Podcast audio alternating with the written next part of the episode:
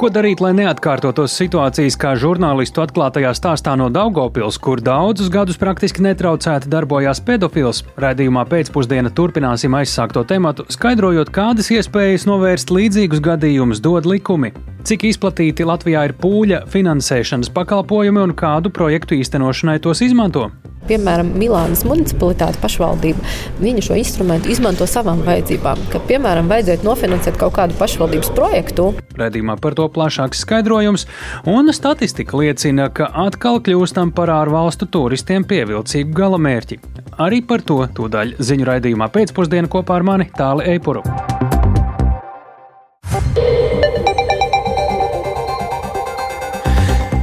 Pūkstens ir 16,5 minūtes, skan pēcpusdienas ziņu programma, skaidrojot šodien svarīgus notikumus. Studijā tālāk Eipurs. Labdien! Šodien turpinām jau vakar sākto stāstu, kuru izgaismoja Baltijas pētnieciskās žurnālistikas centrā Rebaltika kolēģi, proti vairāk nekā desmit gadu Daugopilī brīvi uzdarbojās pedofils, kuram patika mazgadīgi zēni. Vīrieti jau vienreiz sodīja par seksuālām attiecībām ar nepilngadīgo, taču pēc iznākšanas no cietuma tieksmes nav zudušas un vīrietim probācijas uzbrauc, uzraudzību atgriežoties brīvībā gan nenoteica, jo tādu likums eh, tobrīd vēl nenosacīja. Eh, tas eh, sākās tikai kopš 2011. gada. Vai šobrīd esošais tiesiskais regulējums ir pietiekams, lai līdzīgas situācijas neatkārtotos, un vai visas likumā noteiktās iespējas tiek izmantotas un cik efektīvi? To skaidroja kolēģi Linda Spundiņa, un viņa arī mums pievienojusies studijā. Sveika, Linda! Tu teici, ka runāji arī ar Tieslietu ministriju. Ko tur saka, vai tur saredz kādas iespējas, vai varbūt jau nopietni apsver iespējas pilnveidot likumu. Par to mēs uzzināsim šī sižeta laikā. Bet ar ko sākam? Jā, nu sākam droši vien ar valsts probācijas dienestu, jo arī tur es vērsos un skaidroju šo jautājumu tieši tiešām no tās puses, ko tad dara pēc tam, kad persona atbrīvojas no cietuma un kas tālāk notiek.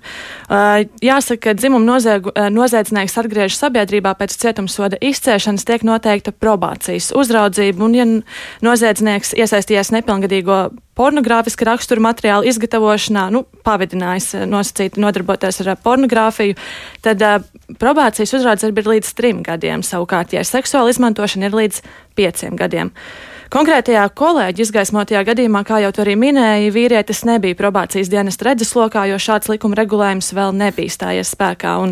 Bērnu probācijas uzraudzībā kopumā bija 358 likuma pārkāpēji, kas tiesāti par noziedzīgiem note, noziegumiem pret dzimumu neaizskarmību un likumību.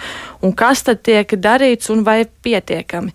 Probācijas dienesta klientiem vispirms jau veic riska vajadzību novērtējumu, identificē, ko tad kā vajag strādāt ar klientiem, piemēram, vai vajag viņiem ierobežot pārvietošanos, vai aizliegt iziet ārpus dzīves vietas, piemēram, naktī, vai aizliegt eh, lietot vielas. Eh, tāpat liegums ir arī uzturēties vai doties pa maršrutiem, kur uh, uzturas bērni, un uh, vēl vērtē, protams, arī cēloņus, kāpēc cilvēks veicis noziegumu. Un uh, dzimuma noziegumu gadījumā tā diezgan bieži arī var būt izkropļota domāšana. Tiek veikts terapeitisks darbs ar probācijas klientu, taču ir viens bet. Īsi varam paklausīties probācijas dienesta probācijas programmu vadītājas personām, kuras veikušas dzimuma noziegumus Evijas Burkauskas sacītajā.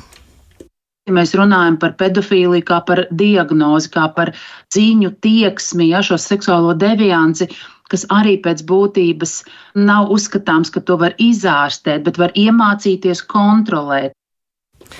Jā, un tad, ir, tad rodas jautājums, vai piecu gadu laikā var iemācīt šīs tieksmes kontrolēt. Probācijas dienests ir veids pētījumu, kurā analizēja gandrīz 400 dzimumu noziedznieku recidīvu, un pētījums tika pabeigts 2017. gadā, bet veikts vairākus gadus gadu garumā, un par pētījumu stāsta probācijas dienesta eksperts Anvars Zavatskis.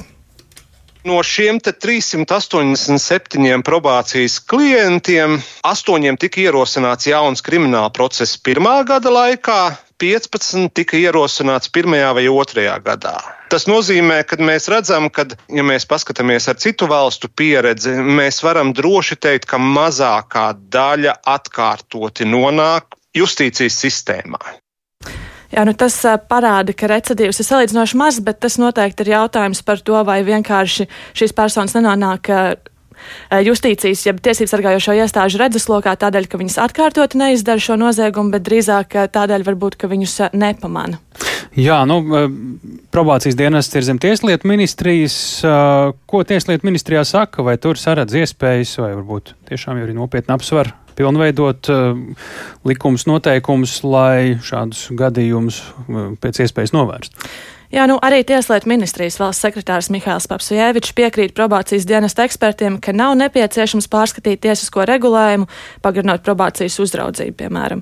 Balstoties pētījumos, biežākie recidīva gadījumi notiek pirmajos divos gados, teica Papsujēvičs sākot ar 11. un 15. gadu, mūsu regulējums Latvijā, gan to, kādi sodi, kādi papildusodi var tikt piemēroti, ir gana pietiekams, lai šo problēmu risinātu. Cits jautājums, vai vienmēr un katrā reizē pēc labākiem standartiem, pēc labākiem arī profesionāliem standartiem šis regulējums tiek piemērots. Un šeit es runāju par jebkuru stadiju šim stāstam, gan konstatējot, gan izmeklējot, gan pēc tam krimināli vajājot, gan tiesājot, gan pēc tam izpildot sodu.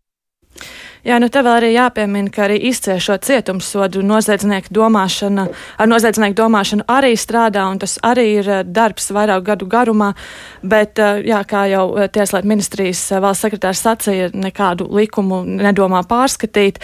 Tiesa gan vēl tiek domāt arī par prevencijas pasākumiem, kā tad darīt visu iespējamo tā, lai tad iespējamie pedofīli nesāktu veikt noziedzīgas darbības. Iespējamie bijušie vai iespējamie iespējamie. Te ir uh, daudz jautājumu vēl, tad mēs dzirdējām, ka vismaz uh, likuma norma ziņā šeit uh, nekādu pārmaiņu mēs nesaredzam probācijas dienas acīm, vai būtu kaut kas jāmaina citu dienas darbā. Paldies, sakām Lindai Spundiņai. Šobrīd esam tiešraidē sazinājušies ar iekšlietu ministru Mārku Čīnski no apvienotā saraksta. Labdien! Labdien. Tik tālu par Tieslietu ministrijas kompetenci. Kādu vispār vērtējumu jūs kopumā dotu tā informācijai, kas šobrīd pieejama par notikušo Daugaupilī, ņemot vērā iestāžu palaistās izdevības garām apturēt noziedzīgo rīcību par spīti pat iedzīvotāju aktivitātei? Iedzīvotājiem arī neko īsti nevar pārmest. Nu jā, šie noziegumi ir viena no nu, teiksim, briesmīgākajiem, kāda ir. Tāpēc noteikti nebūšu, noteikti nebūšu liberāls savā attieksmē pret pret to, kas notiek policijai. Saistībā ar šo gadījumu esmu uzdevusi nu, sniegt man skaidrojumu. Es domāju, ka mēs arī izanalizēsim situāciju. Protams, gan, gan es klausos arī, vai likumdošanā tas varbūt no tiesas un probācijas skatu punkti nav nepieciešams. Ja policijai tāda būs nepieciešama, mēs noteikti paši arī to varam inicēt. Katrā ziņā analīze būs. Noteikti pats es tur piedalīšos, nevis tikai uzklausīšu un uh, savus secinājumus izdarīsim. Jo katrā ziņā nu, man tā statistika nemaz nelikās atšķirībā varbūt, no citiem saulēm, ka tik daudz arī pēc soda atgriežas. Katrā ziņā um, man šķiet, ka soda, soda vardzība šeit nebūtu jāliberalizē vai, vai jāsamazina. Vai, domāju, tikai pastiprināšanas virzienā. Un, protams, bet liela loma arī, jā, liela loma arī sabiedrībai. Bieži vien varbūt ir tāds, ka cilvēks, kamēr viņš nu, neko nav izdarījis, ka, ka dot viņam to iespēju un viss, bet uh, nu, tas reti, kad ir atmaksājies. Sodi, eh, kādi, kādi vēl virzieni, ko jūs redzat, eh, par ko jums ar dienestiem šajā ziņā būtu jārunā, kādos virzienos eh, šeit varētu strādāt? Nu, viens, viens ir, kas vairāk arī attiecas uz bērniem. Mēs esam jau ar Tieslietu ministru jau arī virz, jau divreiz šķiet jau tikušies, un šai virzienā arī vairāk uz prevenciju, vairāk tiekam analizēt, ko tad dara bērnu aizsardzības dienas, kādas viņu funkcijas un kāda būs, kādas ir politi po policijai. Tā kā šīs sarunas mums turpināsies, un tur arī noteikti būs kaut kādi arī secinājumi. Ja šobrīd Tieslietu ministrija arī bērnu aizsardzības inspekcija vairāk gribētu priekš palīdzības, nevis priekš sodīšanas. Tā kā šīs diskusijas man. Tas ir par darbu uz priekšu, vai pēc šī gadījuma jūs redzat, ka būtu jābūt kādām sekām konkrētajām tas, iestādēm tas un atbildīgajiem? Mēs, mēs šobrīd par, par bijušo mēs noteikti to varam analizēt un uh, likt par piemēru, lai uzlabot darbu un lai vairāk tā nebūtu. Es nedomāju, ka tagad kaut kā tas būs kāds lielāks efekts, ja es tagad atradīšu, kurš tad īsti tur nav noreaģējis. Protams, arī tas ir, tas, tas tiks izanalizēts, bet man šķiet, ka mums ir jāskatās uz priekšu, lai nebūtu iespējami, lai maz būtu šādi gadījumi un lai policija. Nu, katrā ziņā, ja cilvēks ir nokļuvis šajā redzeslokā, tad viņš vienkārši ir jāuzrauga un paļauties uz to, ka viss ir kārtībā. Labi. Paldies par sarunu. Sazinājāmies ar iekšlietu ministru Mārku Čīnski. Policija, policija jā, divas dienas pēc šo ziņu publicēšanas pagaidām Latvijas radio vēl nav komentējusi savu atbildību un turpmāko rīcību, solot to darīt iespējams nākamnedēļ. Mēs turpināsim sakot līdz tam, kas tiek darīts, lai šādas situācijas, kur ilgstoši un netraucēti uzdarbojas pedofils un pat pēc iedzīvotāju ziņojumiem atbildīgo iestāžu pārstāvi nav saskatījuši iespēju situāciju risināt. Zem lopas nonākos arī citu dienas darbība. Finanšu ministrs Arvils Ašrādens no jaunās vienotības līdzis drošības iestādēm veikt veikt pārbaudes par iespējamu valsts ieņēmumu dienesta informācijas tehnoloģiju sistēmu ārējo ietekmējamību. Šāds ministra norādījums izskanēja pēc tam, kad žurnāla Forbes Latvija izdevēja Katrīna Ļinska Twitter kontā pirms divām dienām cēl trauksmi par ieņēmumu dienesta interneta tehnoloģiju uzņēmumu saikni ar Krieviju un neskaidrību par tā patiesā labuma guvēju. Vairāk par to klausāmies Ievas puķis ierakstā. Tās ir fantāzijas ar vai bez pamata Tā uz žurnāla Forbes redaktoras Katrīnas Iļinskas tvītu pirms divām dienām reaģēja auditorija. Kā būtu, ja izrādītos, ka vid IT sistēmas ir teju atkarīgas no kompānijas, kura pirmkārt reģistrēta Bermudā un patiesā labuma guvēju neatklāja, otrkārt to ietekmē Libānietis ar Krievijas pilsonību, treškārt līdzīpašnieks reiz Krieviju sauca par māti, Ceturtkārt, tās vēsturē figurē Krievijas iekšlietu un aizsardzības ministrija. Tā rakstīja redaktore Iļņinska, un auditorijai atbildēja: Tās nav fantāzijas. Žurnāls jau esot tipogrāfijā, un nākošnedēļ nonāks pie lasītājiem. Šodien uz šokējošo tvītu reaģējis arī finanšu ministrs Arvils Ašerādens, aicinot drošības iestādes veikt pārbaudes par vidu IT sistēmu ārējo uzticamību. Ziņu aģentūra Leta citēja ministra padomnieci Kristīnu Menniku, kura tāpat kā Ašerādens gan šonadēļ atrodas komandējumā ASV. Ilursoft informācija Forbes redaktoras bažas neapstiprina. Skandālā iepītās akciju sabiedrības Emergent vienīgais īpašnieks ir īrijā reģistrētā firma Emergent Global Holdings Limited. Norādīts arī tās patiesā labuma guvējs - ASV pilsonis Aleksandrs Adama Pols. Apgalvojums noliedz arī vida ģenerāldirektore Ieva Jaunzeme, ko izdevās sazvanīt nozares konferencē Parīzē. Man bija saruna ar ministru vakar Un ir skaidrs, ka apstākļos, kad tiek eh, sociālos tīklos izplatīti šādi provokatīvi paziņojumi, no kuriem varētu izdarīt secinājumus, ka vidi izdara neievēro likumus, diskusīgi var izmeklēt tikai un vienīgi drošības iestādes. Es arī informēju ministru, ka mēs paši esam kontaktos ar drošības ministru, ar iestādēm par no kādēļ tieši tagad šāda veida sociāla informācija tiek izmantota, jo es varu apliecināt, ka valsts ieņēmuma dienas ievēro likumus un tam nav noslēgta līguma ar IT kompānijām, kam nav zinām patiesā labuma guvēji vai kas atrodas ārzaudās. Ieva Jaunzem arī norādīja, ka Imagine ir nevis vidi IT sistēmas uzturētājs, kā var noprast no tvīta, bet gan tehnoloģiju izstrādātājs, kura produktiem ir veikts nopietnas drošības audits. Mums ir svarīgi nodrošināt drošības vārstus, lai informācija nenokļūtu jebkura piegādātāja rīcībā. Tādēļ mēs paņemam produktu un ar viņu arī strādājam, un tā ir mūsu atbildība. Pagājušā gada nogalē uz drošības riskiem, kas saistīti ar datorprogrammēšanu, programmēšanas uzņēmumu Emergen tomēr norādīja arī žurnāls Ir. Uzņēmumā ilgstoši strādā bijušais vidu iepirkumu komisijas loceklis Juris Stumps, kas darbu dienestā atstāja 2011. gadā pēc datu noplūdes skandāla. Arī laikraksts Diena rakstīja par aizdomām, ka Emergent padomes loceklis Stums varētu būt hakera neolīdzgaitnieks vērienīgajā datu nopludināšanā no vidu elektroniskās deklarēšanas sistēmas jau 2010. gadā. Žurnāls ir arī norādīja, ka Emerģen jau gadiem tiek izraudzīts par galveno vidu informācijas sistēmu nodrošinātāju. Tādējādi uzņēmumam šajā laikā ticis ievērojams valsts budžeta kumos. Emerģen valdes priekšsēdētājs Aldis Ērglis no intervijas ar Latvijas radio atteicās. Laika starpības dēļ sazvanīt neizdevās arī Arvilu Ašerādenu un viņa padomnieci Kristīnu Menniku. Ieva Puķe, Latvijas radio. Eiropas Savienība mudina izveidot zaļās tirdzniecības telpu starp Eiropu un ASV.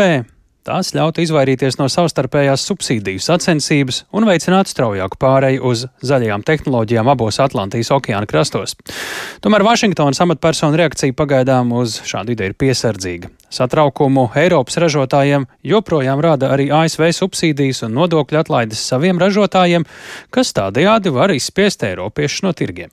Vašingtonā šim tematam seko mūsu korespondents Arčuns Konohaus, un ar viņu esam sazinājušies tiešraidē. Labdien, Arčum! Kādēļ ASV un Eiropai ir tik grūti pārvarēt domstarpības uh, tirzniecības jomā? Labdien, tālu, labdien, klausītāji! Mēdz teikt, ka šobrīd ASV un sevišķi Vašingtonā politiķi aprindās ļoti mazi jautājumi, par kuriem ir uh, vienas prātes gan republikāņi, gan demokrāti. Bet šķiet, ka tāds uh, ekonomiskais protekcionisms ir viens no jautājumiem, kuriem viedokļi, kurā viedokļi tiešām saskan. Varētu teikt, ka vēl Ķīna ir otrs jautājums, kur tiešām arī varētu būt pat tādas sacensības starp republikāņiem un demokrātiem, kurš būs asāks Ķīnas apgabalā apkarošanā, vismaz eh, retorikā. Un eh, tamdēļ eh, arī politika, kas tiek īstenota lielā mērā, ir vērsta uz to, lai aizsargātu savus ražotājus, lai piešķirtu subsīdijas saviem uzņēmumiem un lai mēģinātu visādā veidā veicināt tieši to, kas tiek darīts Amerikā. Un tas no vienas puses varētu izklausīties nevainīgi, bet, protams, rodas te ļoti daudz jautājumu par to, ka tas varētu būt pretrunā ar Pasaules tirzniecības organizācijas noteikumiem, un arī, protams, rodas jautājumi par to, kā vajadzētu rēģēt Eiropai. Vai Eiropai arī vajadzētu, pieņemsim, kaut kādas subsīdijas noteikt saviem ražotājiem, lai viņi būtu konkurētspējīgi.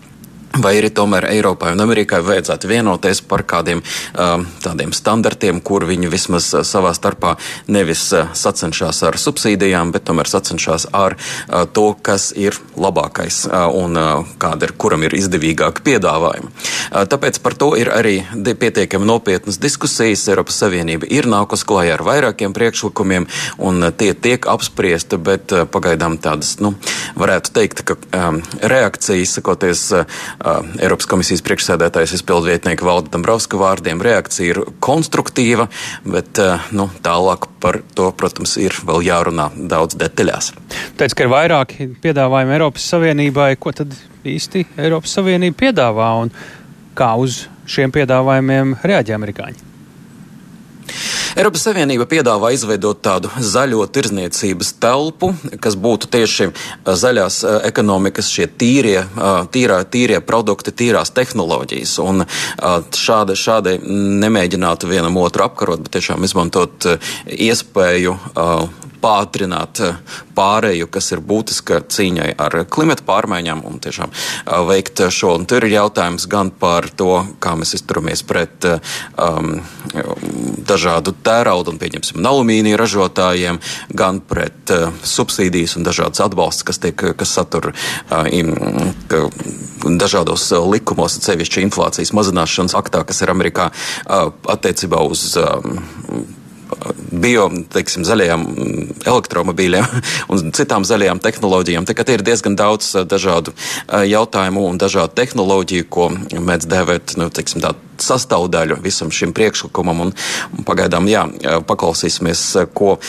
Uz šo visu ir atbildējusi Katrina Tāja, kas ir ASV tirsniecības pārstāve. I know that change creates anxiety. Um, Es zinu, ka pārmaiņas rada satraukumu, bet, ja jūs paskatīsieties uz to, ko pašreizējā administrācija ir darījusi, uz visiem mūsu svarīgākajiem sasniegumiem likumdošanas jomā, tad jūs redzēsiet, ka tie ir vērsti ar skatu uz nākotni un mēģina panākt augstākus standartus. Mēs to nevaram panākt vienatnē. To var sasniegt tikai kopā ar mūsu tuvākajiem partneriem, kuri izprot mūsu vīziju un to atbalsta. Mums jābūt spējīgiem viegli izskaidrot, ka mēs tiecamies uz augšu tādiem tirzniecības partneriem kā Kanāda vai Eiropas Savienība un pārējiem. Tad mēģinājumu izskaidrot ir viens, un skaisti vārdi arī ir, protams, ļoti apsveicama lieta, bet jautājumos tiešām ļoti praktiskiem risinājumiem te pagaidām tādas kustības pozitīvas no Amerikas puses īsti nav, un drīzāk turpinās protekcionisms nekā kāda tirgu atvēršana. Paldies Ārķimam Konokovam tieši redzē no Vašingtonas. Par zaļāku domāšanu un praktiskiem darbiem tajā virzienā arī turpinām. Pirmo reizi tik plašā diskusijā par Latvijas ostu, īpaši Liepājas ostas iesaisti vēja parku attīstībā un par ieceri Latvijas ostās veidot atbalsta loģistikas punktus vēja parkiem, kas atradīsies gan jūrā, gan uz sauszemes. Šodien Liepājā diskusijā iesaistījās satiksmes ministrs Jānis Vitembergs, ekonomikas ministri Ilzi Indriksona no Nacionālās apvienības, kā arī Latvijas Lielo ostu, Vēja enerģijas asociācijas, investīciju un attīstības aģentūras un lielāko stividoru uzņēmumu pārstāvji. Par secinājumiem, vairāk tieši par Liepājas ostas vīziju, vairāk interesējās Inga Ozola. Liepājas sejas pārvalde jau paredzējusi teritoriju ostā, kur iespējams attīstīt vēja parka atbalsta loģistiku. Vērojama arī investoru interese. Ir izstrādāta Liepājas ostas priekšostas attīstības koncepcija, kas paredz pirmajā kārtā izbūvēt infrastruktūru 39 hektāru lielā platībā. Šāda projekta īstenošanai būtu nepieciešami četri gadi. Liepājā plānots izveidot divas 200 metrus garas piestātnes ar augstu nestspēju. Liepājas sejas pārvaldnieks Ulris Smaļevs Krasnodebskis skaidro, ka tam ir nepieciešamā ostas kapacitāte, jo agrāk osta izmantota militāriem mērķiem. Tagad mēs šo ostas akvatoriju, ko ieskauj viļņu lauži, kur ir trīs vārti, pa kuriem ērti izbraukt, mēs plānojam soli pa solim viņu attīstīt, tad izbūvējot jaunas piestātnes, izbūvējot jaunus kravu laukumus un tādā veidā rodot šo vietu, kura nevienā Baltijas jūras ostā nav. Vēja parka no Liepājas atradīsies 100 km radiusā, tāpēc Liepājas ostai būs būtiska nozīme vēja parka būvniecības procesā un arī vēlāk to uzturēšanā. Tik plašas un kvalitatīvas sarunas par ostu iespēju iesaistīties vēja turbīnu uzņemšanas un apkalpošanas biznesā notikušas Latvijā pirmo reizi, uzsver vēja enerģijas asociācijas vadītājs Toms Nāburgs. Tā ļoti vienkārši runājot. Pieņemt šīs iekārtas, glabāt šīs iekārtas, tālāk salikt, sakomplektēt pilnas iekārtas no komponentiem, kas ir atnākušas, un tālāk jau šīs iekārtas ievest jūrā un uzstādīt. Tas ir vesels ļoti liels biznes, ļoti attīstīts biznes tādās valstīs kā Holande, kā Dānija kā Lielbritānija un Latvija arī ir iespēja šajā biznesā izvērsties un ostām pelnīt ļoti būtiskus līdzekļus un veidot ļoti daudzskaitlīgas darbvietas. Liepājā ir liels izredzes kļūt par vienu no vadošajām pilsētām šajā vēja enerģijas nozarē, tā uzsver Liepājas sezvaldes priekšsēdētājs Ulris Sasks no Liepājas partijas. Jau šobrīd ostā tiek pārkrautas vēja ģeneratoru detaļas, kā arī notiek sarunas ar vēja ģeneratoru detaļu ražotājiem par jaunu rūpnīcu izveidošanu. Gan Latvijas energo ir liela plāni, gan ekonomikas ministrijai, un bez Latvijas ostām, bez Liepājas ostas būs nu, diezgan grūti eh, realizēt atkrastes eh, vēja ģenerācijas parkus eh, Baltijas jūrā. Tas jautājums ir par attālumiem, gan būvniecības laikā, gan vēlāk jau vēja parku apkalpošanā. Un, ja mēs zinām, ka tepat pie jūrkalnas plānojās diezgan liels vēja parks, un arī Lietuvas virzienā, arī Skandināvijas virzienā ir vairāk vēja parku. Mums jau, kā zinat, Liepājā jau tiek ražotas dažādas detaļas vēja ģeneratoriem. Arī visai drīz tiks būvēts vēja parks eh, šeit pie karostes un eh, pie Tosmaras eh, ezera. Liepājas iestrādes un piemērs jau var kļūt par tādu kā pilotu projektu Latvijas ostām un attīstot ieceres kopumā, tā uzsver ekonomikas ministra Ilza Indriksone no Nacionālās apvienības. Labā konkurencē kopumā Latvijai ir visiem ir iespējas, jo tas apjoms, kas ir jāizdara, ir tik liels, ka noteikti neviens nepaliks bez eso. Nu, varētu teikt tā, eh, gan Liepā, gan Ventspils, gan Rīga savā specializācijā un savās iespējās vislabākajā veidā varēs to izmantot. Gūt labumu ne tikai uzņēmē, bet līdz ar to arī iedzīvotāji, arī Latvijas tautsēmniecība, jo enerģētikā kļūt par eksportējošu valsti, tas ir labākais scenārijs, ko mēs spējam šobrīd īstenot, jo tieši enerģētikas resursu pirkšana un importēšana deva vissliktāko bilanci mums pēdējos gados tieši kopējā valsts eh, eksporta importa bilancē, kur gāzes dārdzība un visas resursus, ko mēs ievedam, ja mēs to varam pagriezt pretēji un kļūt par eksportējošu valsti, tad kopējā valsts ekonomikas bilance ir būtiska un uzlabotos daudz straujāk. Tiek minēts 2027. līdz 2030. gads, kad vēja enerģijas ražošana un nozares apkalpošana lielos apjomos kļūs par realitāti, kam gatavojas arī ostas un potenciālie investori. Ingo Zola Latvijas radio kurzemē. Uzņēmējdarbības attīstībai vienmēr tiek meklēti arvien jauni risinājumi. Kādas iespējas Latvijā sniedz kolektīvā jeb pūļa finansēšana un kas jādara, lai iegūtu šīs finansēšanas pakalpojumu sniedzēja darbības atļauju Latvijā. Par to šodien interesanti varēja uzzināt Latvijas bankas rīkotajā seminārā. Latvijā pagaidām ir tikai viens šādi licencēts uzņēmums, kas sniedz korektīvas finansēšanas, kolektīvās finansēšanas pakalpojumus, taču citās valstīs tādu ir daudz vairāk. Nu, par šādu finansējumu iespējām un arī riskiem. Interesējusies ir Zana Eniņa. Zane, sākumā droši vien tad ir jāatgādina, kas vispār ir šis kolektīvais pūļa finansēšanas eh, veids, angliski crowdsourcing. Jā, šis eh, finansēšanas princips pastāv jau sen un nav svešs arī Latvijā. Būtībā par pūļa finansējumu ir uzcelts, piemēram, brīvības piemineklis. Tomēr kā finanšu instruments eh, tas darbojas salīdzinoši nesen.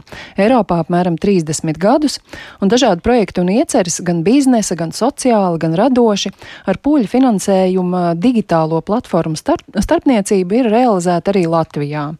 Šādā veidā daļēji tapusi arī kinorežisors un animators Signas Baumanas filma Mans laulība projekts.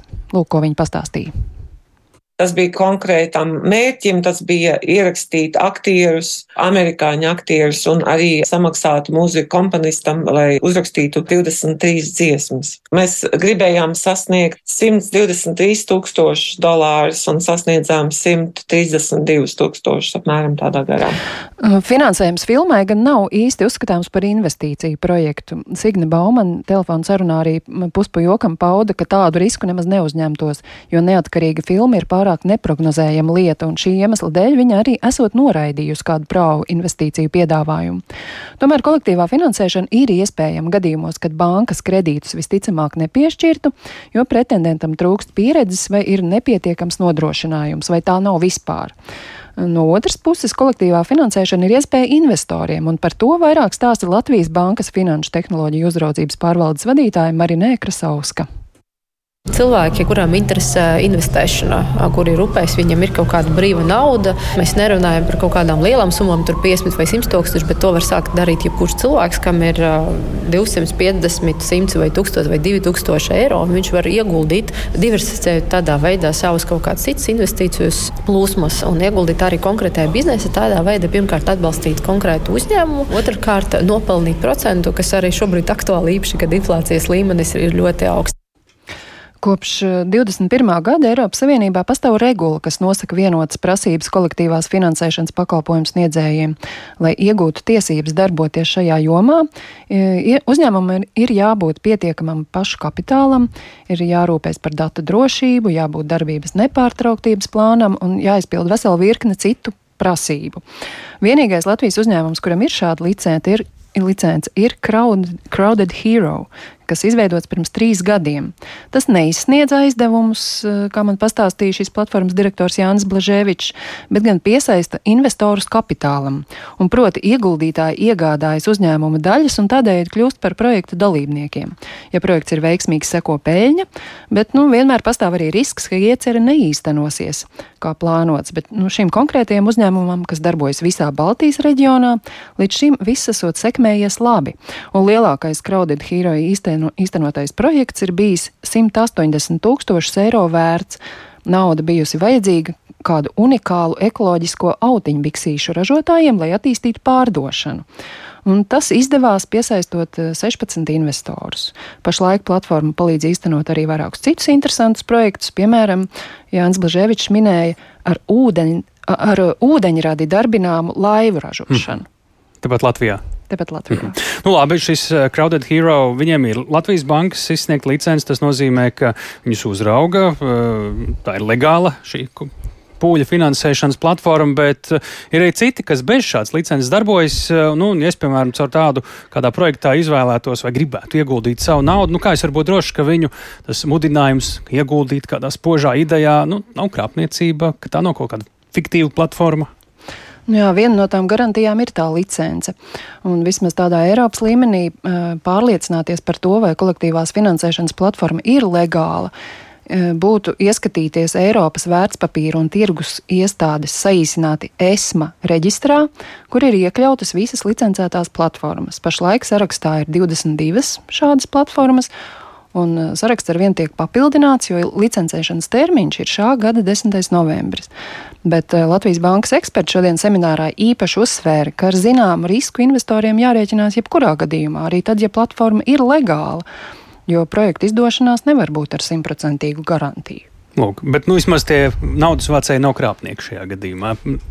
Vēlamais tas situācijas raksturojums. Jā, un viņiem ir ļoti, labi. ļoti detalizēti jāinformē investori par visiem riskiem, un ir ļoti jārūpējas par to, lai investori šos riskus apzinātos. Licencēšanas eh, firmu gadījumā, licencēto Jā. firmu gadījumā. Paldies, Zanē, Eniņai, mēs sakām eh, stāstā par eh, pūļa finansēšanu, bet jādomā ne tikai par savas ieguldītās naudas, bet arī par visas valsts drošību.